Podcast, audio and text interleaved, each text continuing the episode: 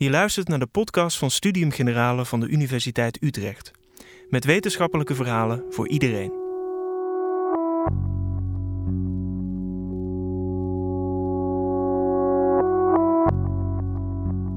Toen filosoof Marley Huijer aan het begin van de coronapandemie zag wat voor ingrijpende maatregelen de overheid nam, dacht ze: waar heb ik dit eerder gezien?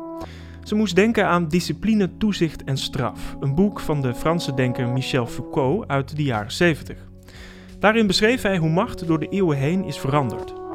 Wat als we door Foucault's ogen kijken naar deze tijd?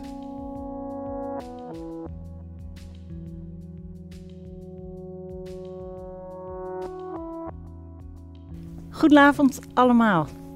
Voor een publieksfilosoof is niks zo erg als zonder publiek filosofie bedrijven. Ik zou niets liever willen dan dat jullie hier allemaal zaten en we gewoon met elkaar in gesprek konden gaan. Dat kan helaas niet, dus we doen het even zo. Maar ik hoop heel erg dat uh, desalniettemin wij over een paar jaar weer allemaal hier zitten en met elkaar het gesprek aangaan en filosofisch de diepte in kunnen gaan. Aan het begin van de coronacrisis, of eigenlijk toen die Nederland begon te treffen, uh, en het duidelijk werd dat er een soort van lockdown in Nederland zou komen, toen had ik het gevoel met een déjà vu te maken te hebben. Ik dacht, ik heb dit ergens gelezen. Ja, en natuurlijk wist ik al heel snel dat ik het gelezen had bij Michel Foucault in Discipline, Toezicht en Straf. Of zoals het in het Frans heet, Surveiller et punir.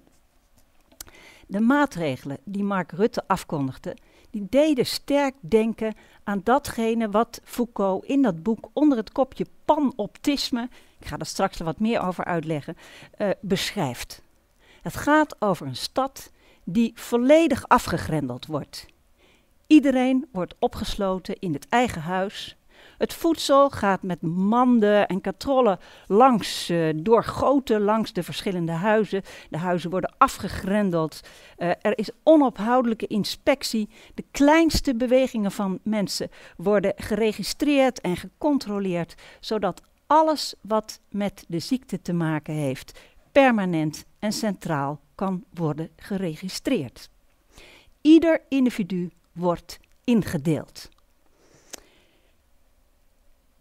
En dat is iets wat je vandaag ook ziet. We hebben te maken gehad met insluiting in ons eigen huis. We hebben te maken met registratie, met controle. En ook iedere burger wordt ingedeeld. Avond aan avond zien wij op het journaal hoeveel mensen er besmet zijn en daarmee hoeveel mensen er niet besmet zijn, hoeveel mensen in het ziekenhuis liggen en hoeveel mensen gestorven zijn allemaal categorieën waarin elk van ons wordt ingedeeld. Feitelijk is dit een insluitende benadering. Bij de pest en ook bij COVID-19 worden burgers ingesloten en vervolgens gedisciplineerd. Dat was uh, in eind 17e eeuw was dat nieuw en het onderscheidde zich van de benadering tot dan toe ook overigens bij de eerdere pestepidemieën, maar vooral ook bij lepra, waar uh, de lepra-leiders, dus de, de, de melaatsen, niet werden ingesloten in hun huis, maar uit de stad werden verbannen. Ze werden uitgesloten, zodat de stad gezuiverd kon worden van de lepra. Die insluiting, die vergde orde en discipline tegenover de wanorde die de pest bracht en die kwam omdat de ziekte werd overgedragen door lichamen die elkaar aanraken, zoals we ook nu uh, lichamen hebben die elkaar aanraken en daardoor uh, besmetten en vervolgens tot wanorde leiden.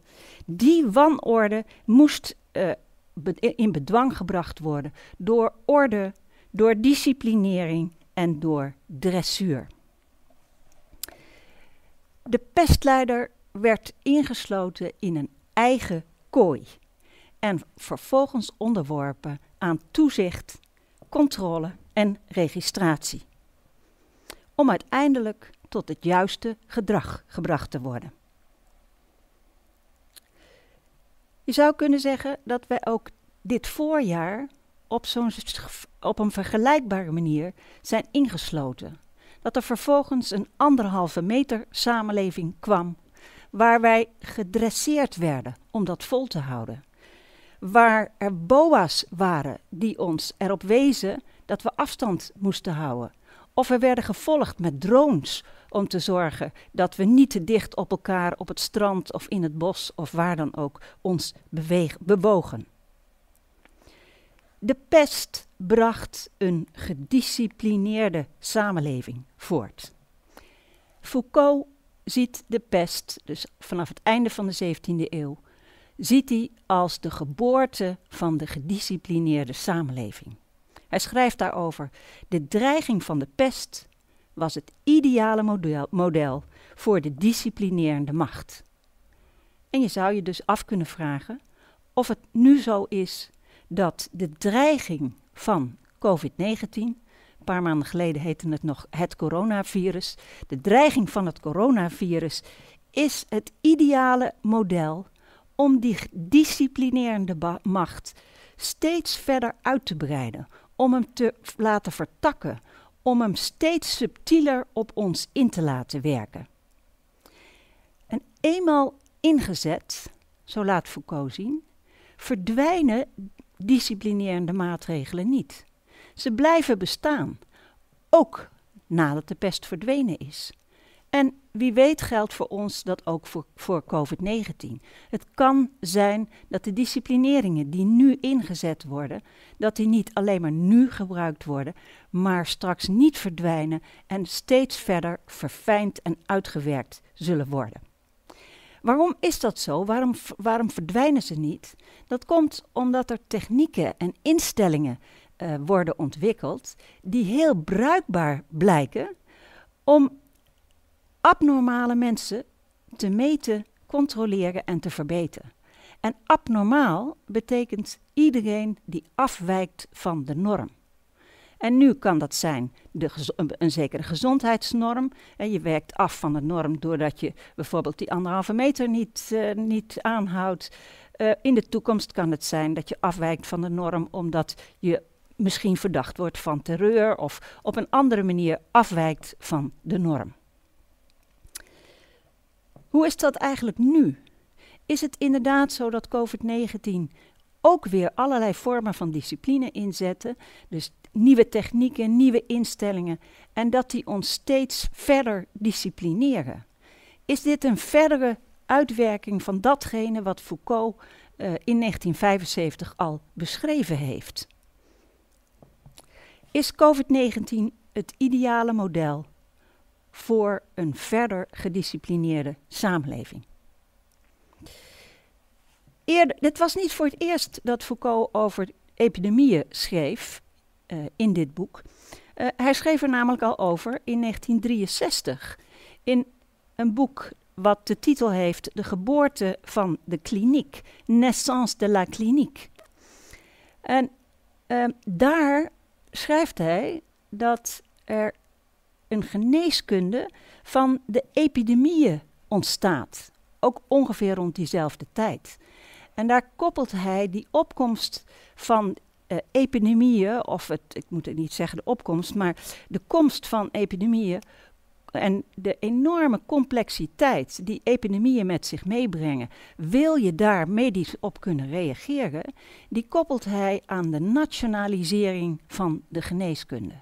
Dus geneeskunde wordt iets wat gebonden is aan een vast territorium, aan een staat en aan een volk. En dat is niet zo vreemd, want rond 1800 ontstaat ook de natiestaat, waarin staat, natie en territorium uh, één geheel is. En die gezondheidszorg wordt dus plots een nationale gezondheidszorg. Wat opmerkelijk is van afgelopen maanden, is dat we gezien hebben dat dat idee van dat die gezondheidszorg nationaal georganiseerd is, bij COVID-19 weer heel erg springlevend naar boven komt. Plots blijkt dat elk land een eigen manier heeft om met epidemieën om te gaan. Nou, de herkomst daarvan is dus rond 1800 met de geneeskunde van de epidemieën. En uh, die is ontstaan uh, of wat, wat er ontstaat dan, is dat de geneeskunde zich gaat baseren op empirisch onderzoek. Het is de basis voor de geboorte van de geneeskunde, van de kliniek. Een geneeskunde die uh, gaat observeren, die gaat uh, vergelijken, die gaat registreren, controleren, etc. Dus er komt een hele empirische basis om al die elementen van een epidemie in kaart te brengen en te kijken van hoe kun je mensen zodanig organiseren, disciplineren, dat je die epidemie onder controle krijgt. Maar die, dat woord discipline, dat valt nog helemaal niet in Naissance de la Clinique. Het gaat daar puur over de ontwikkeling van medische kennis. En het gaat nog helemaal niet over macht. Dit is begin jaren 60 en Foucault's denken richt zich heel erg op hoe kennissystemen uh, zich ontwikkelen of welke transformaties daarin optreden. Kijk je dan naar 1975, als uh, Surveiller et Punir uh, verschijnt, dan is opeens macht het, het, het, uh, het sleutelwoord. Dan komt opeens dat idee van dat zo'n epidemie reden is om te spreken over de geboorte of de intensivering van de disciplinerende macht. Dat is niet zo heel ver verwonderlijk, want de jaren 70 zijn jaren waarin het heel vaak gaat over macht. Um, Foucault schrijft het boek uh, na mei 1968. De opstand van arbeiders en studenten die protesteerden tegen de traditionele autoriteiten. Gezag moest uh, moest afbrokkelen, moest verdwijnen. Autoriteiten moesten verdwijnen. De traditionele structuren in de universiteiten moesten veel vrijer en democratischer worden.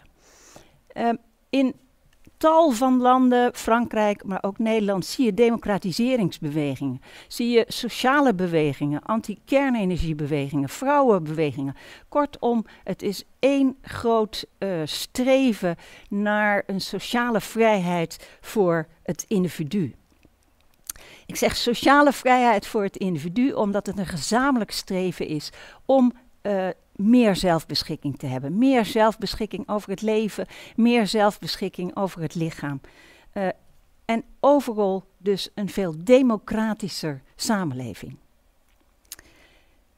En wat nou het bijzondere is van wat Foucault doet, midden in de jaren 70, als iedereen overtuigd is dat die, die verticale macht moet afgebroken worden. Hè, de macht van de vader, van de kerk, van de staat, nou, noem maar op. Uh, die verticale macht moet afgebroken worden. En dan zou de vrijheid komen. Foucault laat zien dat het verdwijnen van die autoritaire macht niet betekent dat macht of discipline verdwijnen. Nee, ze krijgen alleen maar een andere gedaante. Dus ze nemen een andere gedaante in maar het betekent niet dat er geen macht meer zou zijn. In een interview uit die tijd uh, zegt Foucault daarover: La discipline, c'est l'envers de la démocratie. De discipline, dat is de keerzijde van de democratie. Hoe minder verticaal gezag, hoe meer mensen zelf kunnen beschikken over hoe hun leven eruit ziet, des te meer ze onderworpen worden aan disciplinerende machtswerkingen. Dus hoe meer democratie, des te meer discipline, des te meer onderwerping aan machtswerkingen. En die machtswerkingen zijn veel minder zichtbaar dan die autoritaire macht. Je maakt in onze tijd, heb je, heb je eigenlijk, merk je eigenlijk nauwelijks wat uh, een app doet op je leven. Terwijl het wel een machtswerking is. Ik zal daar straks nog meer over zeggen. Deze machtswerkingen, die zijn ook niet gericht op repressie. Nee, ze zijn erop op gericht dat je een beter leven gaat leiden.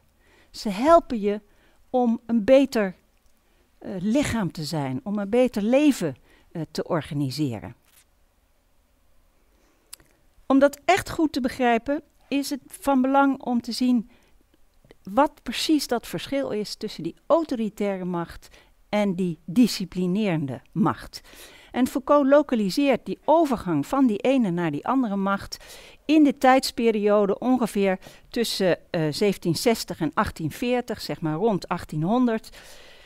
Um, en kijk je dan naar die oude macht, uh, de macht in het ancien regime, in het oude uh, Franse uh, rijk van Lodewijk XIV, et cetera, dan zie je dat deze macht, dus, en hij noemt dat een negatieve macht, dat die geconcentreerd is in, in een soeverein, in de vorst. Ja, dus bijvoorbeeld in Lodewijk XIV. Um, Lodewijk XIV of een andere uh, vorst, die bezit echt deze macht. Dat is een persoonlijk bezit, het is ook een persoonlijke kwaliteit. Het zit vast aan die persoon. En je zou ook kunnen zeggen van het kan ook de macht zijn van God of van een andere soeverein. Maar het is heel duidelijk een persoon waaraan die macht gekoppeld is. En die macht is hiërarchisch. Die komt van boven en uh, onderdrukt mensen daaronder. Die macht gaat ook met spektakel gepaard. Het is een spectaculaire macht. bijvoorbeeld een macht die met uh, publieke executies uh, gepaard gaat. Het boek uh, Discipline en Toezicht opent met een publieke executie van een, van een moordenaar, een koningsmoordenaar.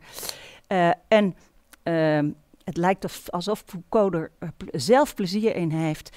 Dat beschrijft hij met ongelooflijk veel details. Dus met een pincet wordt de huid eraf gestroopt. Met een kaars wordt, uh, wordt dat nog even lekker verbrand. Het lichaam wordt met, aan, aan, vier, met, aan de ledematen met, aan paarden verbonden. Vier paarden en die rukken dat lichaam uit elkaar. Dan wordt het, gaat het nog eens in een vuur en, en de as gaat alle kanten. Nou, kortom, hij beschrijft het zelf ook spectaculair. En dat past heel erg bij deze vorm van macht.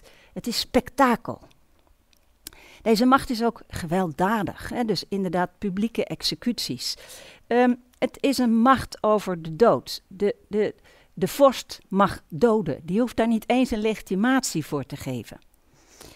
En die macht die is erop gericht om het kwaad buiten te sluiten.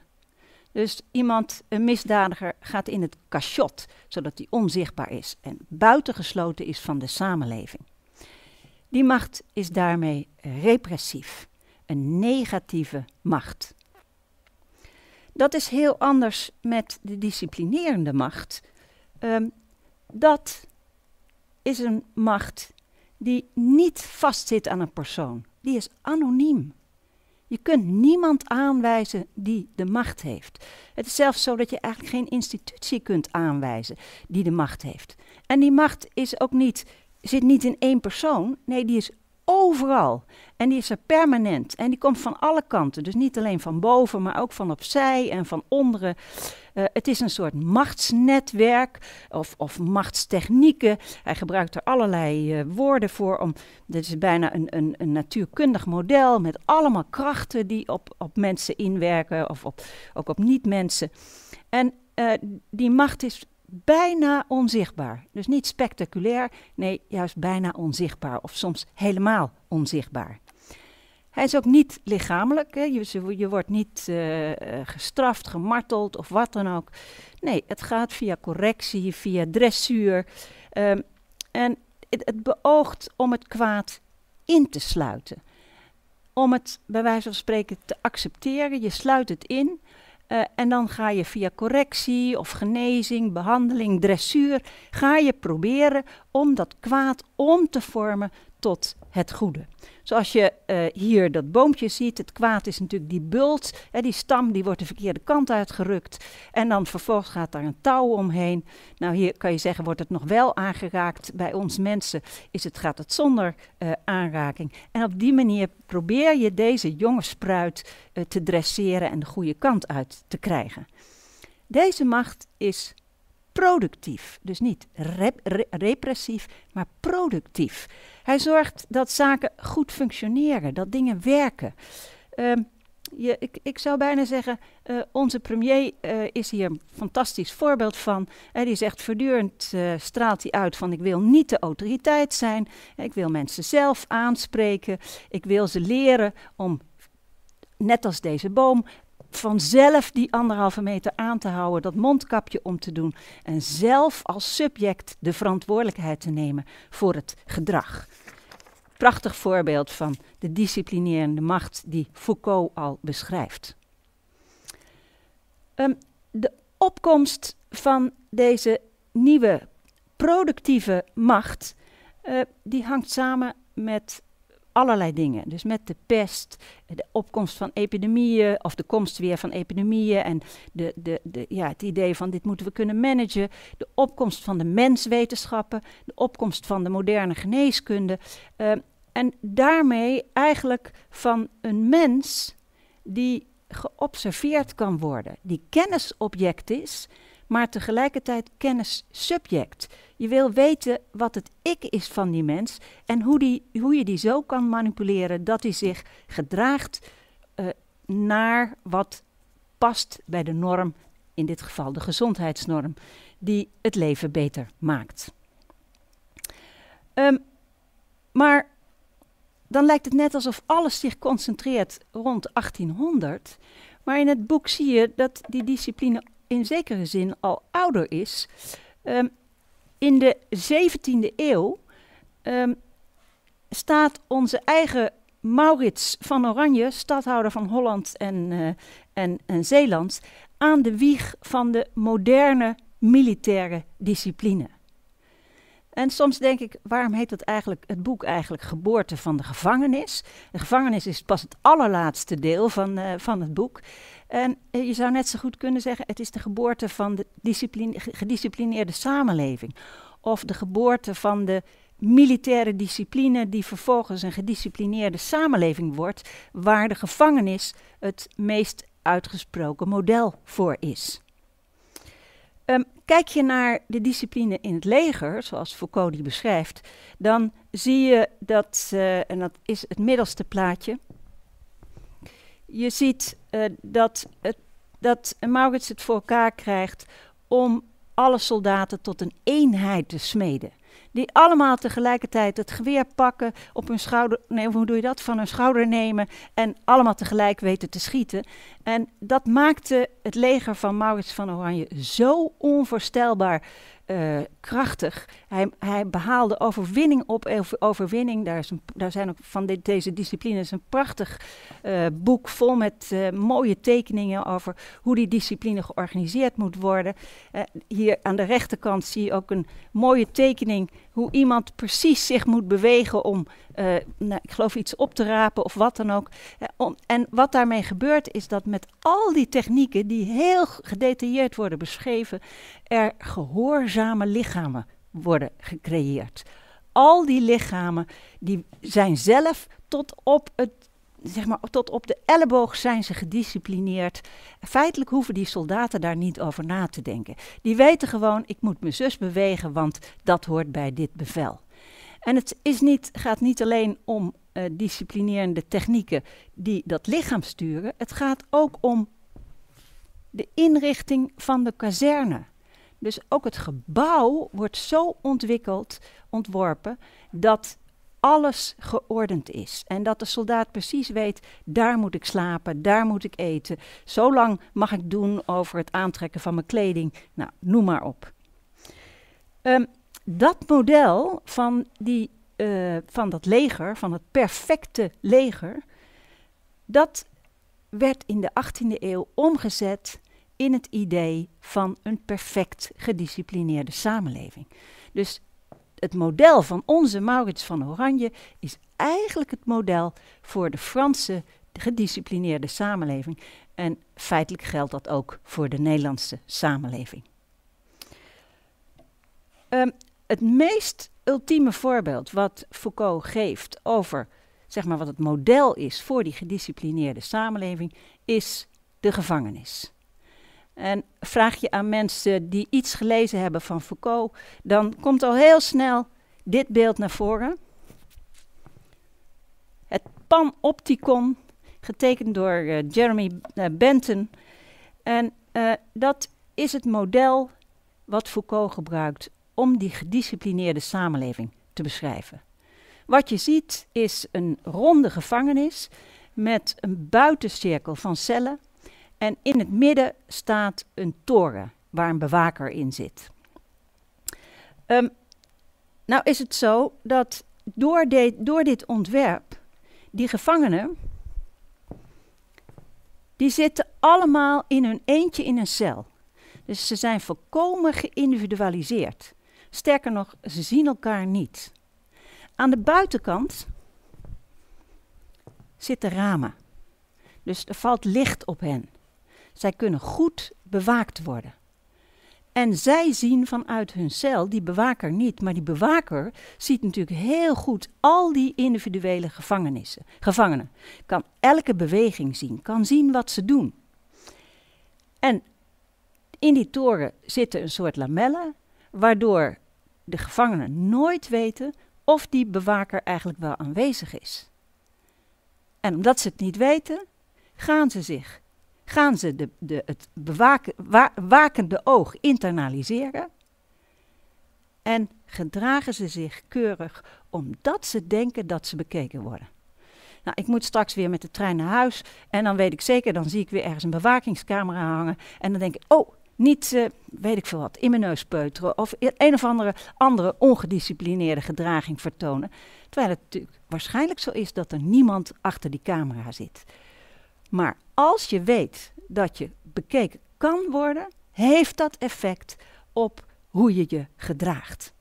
En dat is precies wat Foucault wil laten zien. Daar treedt dus een individualisering op, uh, waar je niet meer communiceert met anderen, maar als individu bekeken wordt. Er is een hiërarchisch toezicht, een permanente controle, uh, waar uh, jij volkomen zichtbaar bent, maar de machtswerking onzichtbaar is. En dat is reden om de discipline te internaliseren. Nou, dat is vervolgens het model wat overal en nergens in de samenleving wordt toegepast. Zoals bijvoorbeeld op scholen, waar uh, leerlingen uh, in lokalen komen te zitten. Meestal, is nu trouwens aan de universiteit ook nog zo, waar glas zit, zodat de directeur langs kan lopen om te kijken of de docent wel orde houdt en of de, de kinderen wel keurig uh, in rijtjes zitten, of de lichaamshouding wel goed is, of ze de pen wel goed houden en op de goede manier schrijven, of ze op tijd komen. Nou, kortom, de school is een schoolvoorbeeld van de disciplinering waar Foucault het over heeft. Als je kijkt naar al die uh, instituties waar die vormen van discipline, die dus aanvankelijk uit het leger komen, uh, worden ontwikkeld. En nu heb ik het voorbeeld gegeven van de gevangenis en het onderwijs, maar het geldt ook voor het ziekenhuis. Het geldt ook voor de werkplek. Nou, kortom, overal en nergens in de samenleving zie je dat er disciplinerende instituties ontstaan die disciplinerende technieken gebruiken om te zorgen dat mensen zich zo goed mogelijk gedragen, uh, dat hun leven uh, zich steeds verder verbetert, dat de condities van leven verder verbeteren en dat ze een zo lang, gezond en goed mogelijk leven kunnen leiden. Foucault noemt dat een militaire droom die een gedisciplineerde samenleving creëert. Discipline wordt een algemene formule voor bestuur, voor uh, de vormen van regering, voor uh, beheersing. En die richt zich in eerste instantie op het lichaam, want dat lichaam dat moet uh, zo bruikbaar mogelijk worden gemaakt. Daar moet alles uitgehaald uh, worden. En dat lichaam uh, wordt gedisciplineerd door het gehoorzaam te maken. Want daarmee onderwerpt het zich feitelijk aan de economische krachten en zorgt het, dat, zorgt het bovendien dat het politiek zo min mogelijk tegenstribbelt. Zijn verschillende manieren om zo'n gedisciplineerde samenleving uh, te organiseren. Ik noemde er eigenlijk al een paar. De allereerste is de ruimtelijke indeling. Dus een kazerne wordt op een bepaalde manier ontworpen. Hetzelfde met het onderwijs. Zelfs zo'n zaal als waar ik hier nu spreek, dat is op een specifieke manier ingericht. En ook onze hedendaagse digitale technologieën zijn op een heel specifieke manier uh, ingericht ik, ik, merk zelf dat op het moment dat je college staat te geven digitaal en je gaat bijvoorbeeld iets organiseren als breakout sessies en daarin zit al in de technologie precies hoe lang je met mag, mag spreken met andere studenten, uh, waar je in de chat dat moet zeggen, hoe je dat moet doen. Kortom, daar zit een hele architectuur achter waar ik zelf nog niet helemaal zeker van weet van waar zitten nou de autoriteiten, wat gebeurt hier nou precies. Maar het is wel zo dat ook die technologieën ons allemaal disciplineren. Vaak zonder dat we het in de gaten hebben. Dat zijn ruimtelijke vormen van disciplinering. Daarnaast is er een controle van uh, de activiteiten. En bijvoorbeeld uh, in het leger is een heel duidelijke uh, tijdsordening voor elke activiteit. dus een, een, een, bepaalde oefening mag 20 minuten duren of 5 minuten. En zo wordt een heel constellatie, een compositie van alle activiteiten gemaakt, waardoor je alles kunt bijsturen en een maximale benutting van alle lichamen kunt krijgen. Nou, kijk je bijvoorbeeld naar hoe op de universiteit uh, in de pro-coronatijd uh, alle activiteiten in een curriculum georganiseerd worden, dan zie je ook dat dat een enorme controle van activiteiten is, zodat docenten en het, en, de, en het bestuur van de universiteit zeker weet dat je binnen een jaar uh, je de, de, voldoende studiepunten haalt. de, een, binnen studieadvies is, is zo'n disciplinerende maatregel die controleert of jij wel op tijd alles gedaan hebt. Nou, kortom, al die activiteiten worden uh, gecontroleerd, in kaart gebracht uh, en zo nodig bijgestuurd. En die bijsturing, dat gaat, als het over concrete individuen, concrete lichamen gaat, dat gaat via dressuur. En daar um, vind ik het uh, ook het meest interessant om het te vergelijken met wat er nu gebeurt met corona.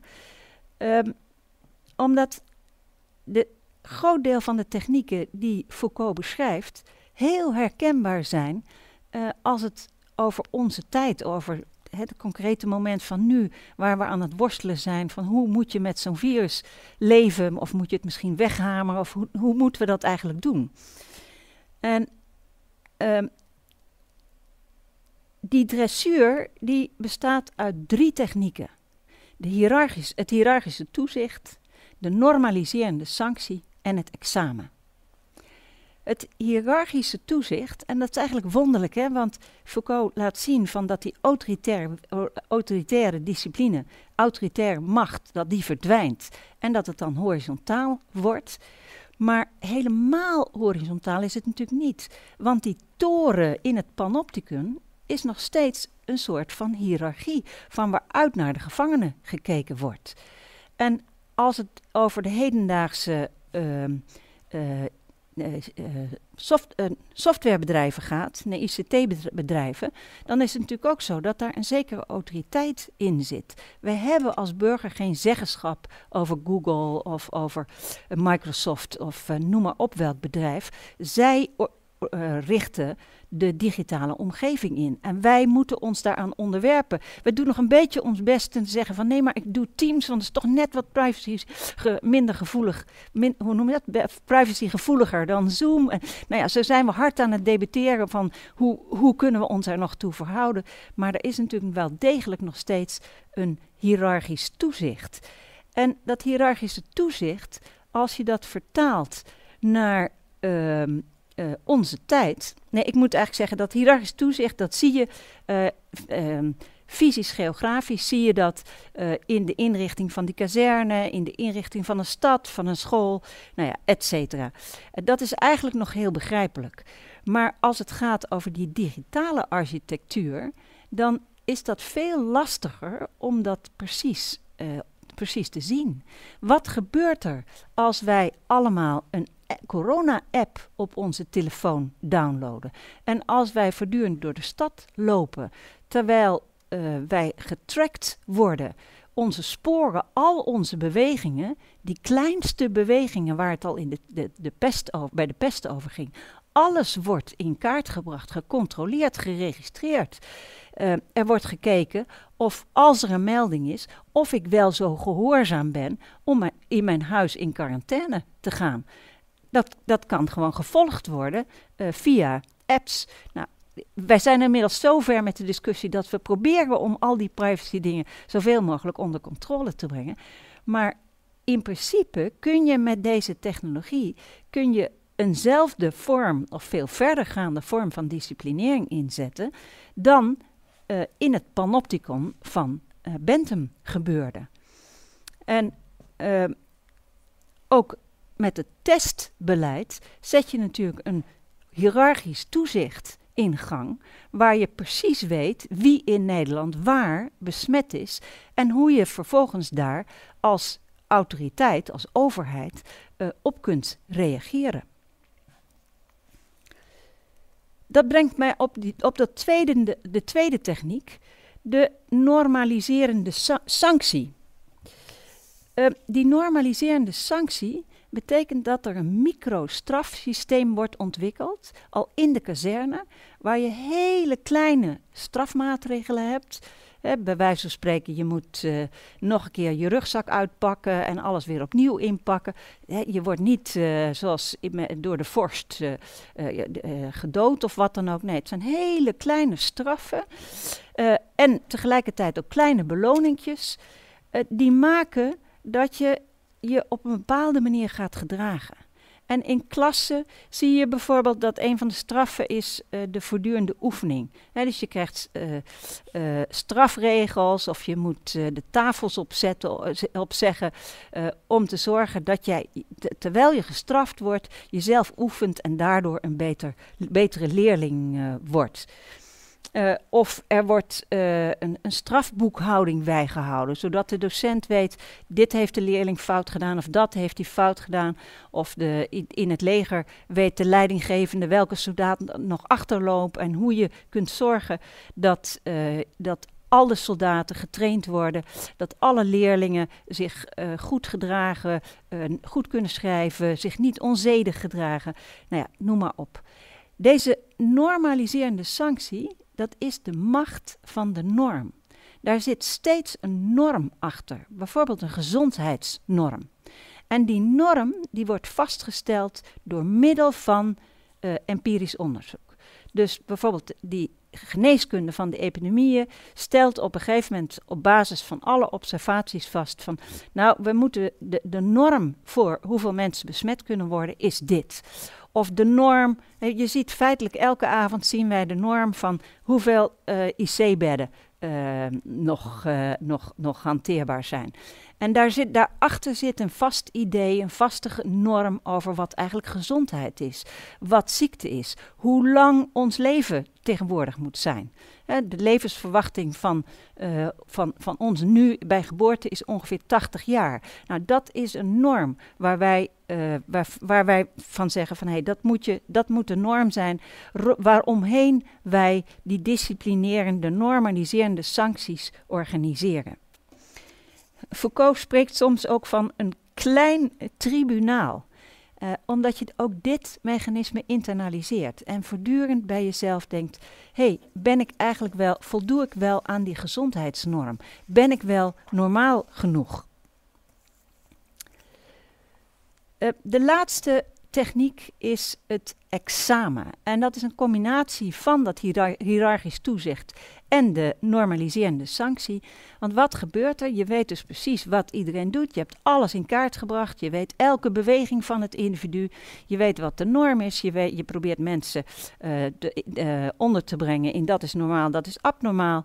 En dan vervolgens ga je alles en iedereen in een soort klassificatiesysteem in kaart brengen.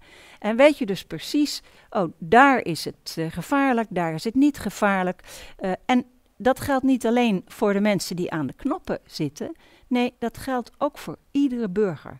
Die is in feite ook steeds bezig om dat examen af te leggen. En wat je dan ziet, is dat hier een subjectiverende onderwerping is van al diegenen die worden beschouwd als een object. Dus het is een subjectiverende onderwerping van alle zeg maar Nederlanders, die worden beschouwd als een object. En tegelijkertijd een objectivering van uh, onderworpen subjecten. Dus in Nederland worden wij allemaal, of in heel Europa, wordt iedereen in kaart gebracht. Elk individu wordt ingedeeld in die categorie van besmet, niet besmet, ziek, uh, uh, dood. Uh, dat, daar zijn wij zeg maar een soort object.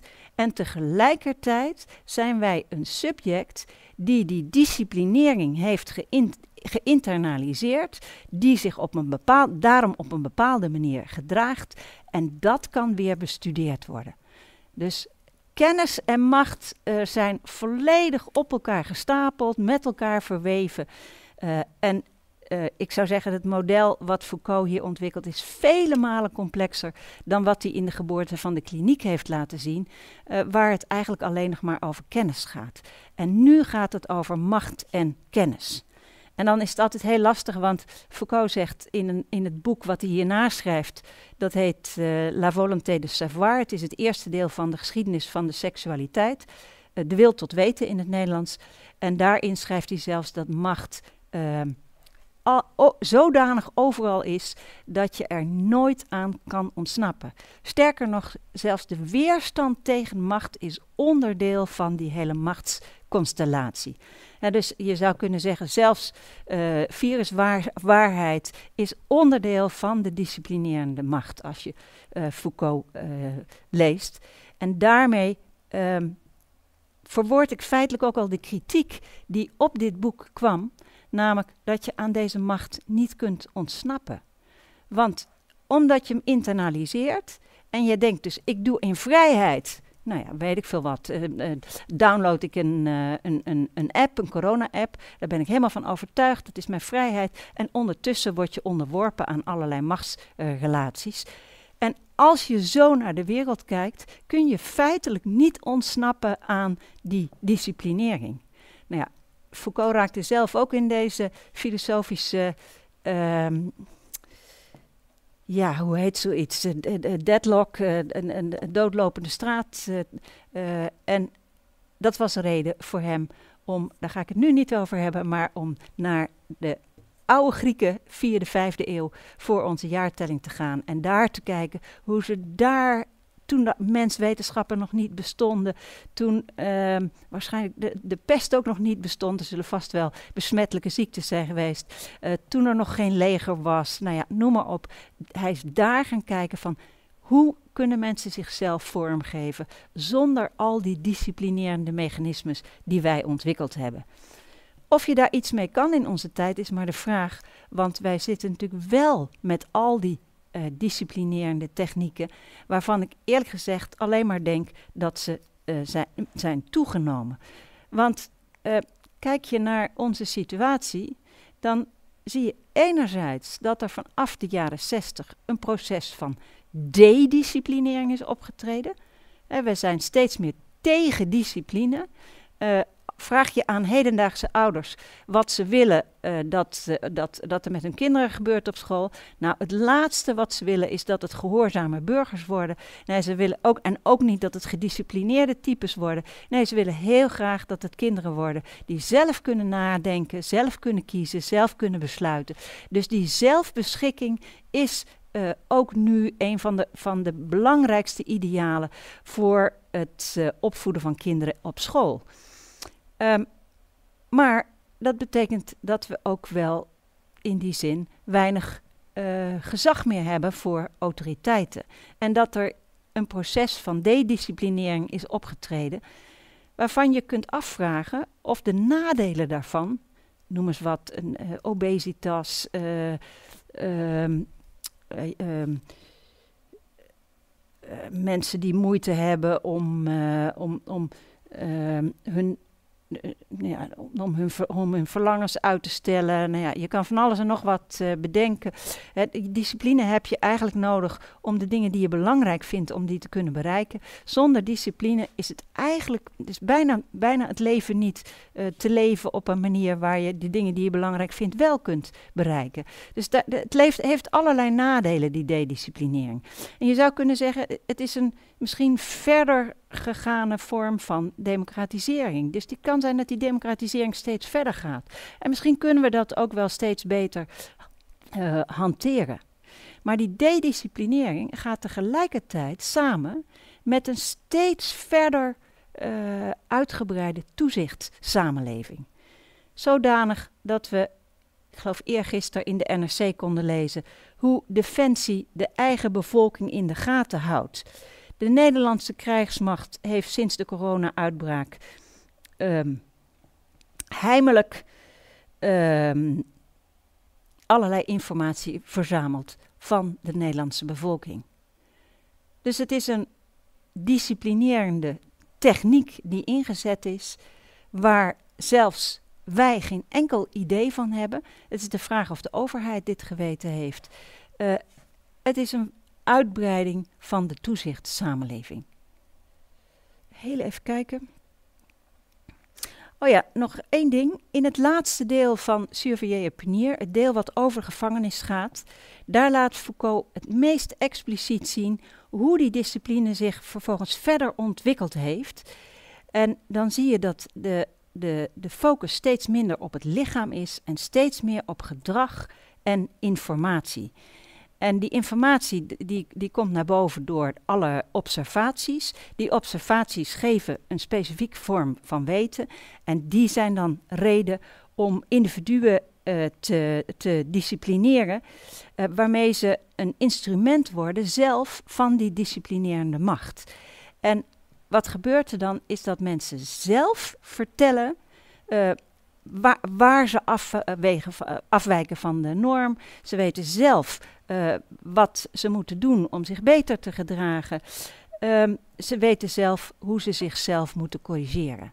En dat is feitelijk dat laatste stadium waarin je dus ziet dat die disciplinering wordt geïnternaliseerd en wij zelf het vehikel worden van die disciplinerende macht. Um, tot slot, Foucault zei het al, die discipline is de keerzijde van de democratie. We denken wel vaak dat wij in een tijd leven waar het allemaal veel beter is dan in die oude tijd, toen die autoriteiten allemaal nog uh, gewelddadige dingen konden doen, mensen onderdrukten. Uh, we hebben het gevoel dat wij vele malen vrijer zijn dan voorheen. Foucault laat zien dat dat waarschijnlijk helemaal niet waar is. Zelfs nu denken wij nog dat wij ten opzichte van de jaren 50, dat wij veel vrijer zijn dan toen. Toen de meesters nog uh, streng waren in de klas. Nu zijn wij allemaal vrije mensen. Maar het keerzijde van die vrijheid, van, dat mindere, uh, van die mindere autoriteit, is dat wij in samenlevingen leven waar de disciplinerende machten vele malen verder uitgebreid zijn, subtieler werken en waarschijnlijk ook onzichtbaarder zijn. Foucault schreef alleen maar een historische studie. Hij doet net alsof hij een neutraal verhaal vertelde. Maar laten we wel wezen, in zijn interviews zei hij dat hij hoopte dat zijn boeken Molotov-cocktails waren. Die mensen zodanig aan het denken zetten over de machtswerkingen dat ze die machtswerkingen zichtbaar zouden gaan maken. En hopelijk ook, althans dat vond hij, ze ondermijnen. Ik ben daar zelf eerlijk gezegd wat genuanceerder over. Ik zou zeggen, laten we al die disciplinerende werkingen, die nu ook rondom corona in gang gezet worden, en die waarschijnlijk niet zullen verdwijnen als wij niet nadenken, laten we daar heel kritisch over nadenken. Laten we kijken straks, als deze epidemie voorbij is, welke disciplinerende technieken vinden wij goed en welke vinden wij dat teruggeschroefd moeten worden. Want hoe je het ook went of keert, wij hebben onze reflectievermogen, wij kunnen nadenken. En in plaats van discipline, ofwel alleen maar weg te gooien of alleen maar toe te juichen, zou ik denken: laten we erover nadenken en kijken hoe we democratisch kunnen besluiten welke vormen van discipline prettig zijn, ons helpen en welke ons alleen maar onderwerpen. Dank jullie wel. Dit was de podcast van Studium Generale van de Universiteit Utrecht. Wil je meer lezingen luisteren? Check dan de playlist op Spotify en iTunes Of ga naar onze website sg.uu.nl/podcast.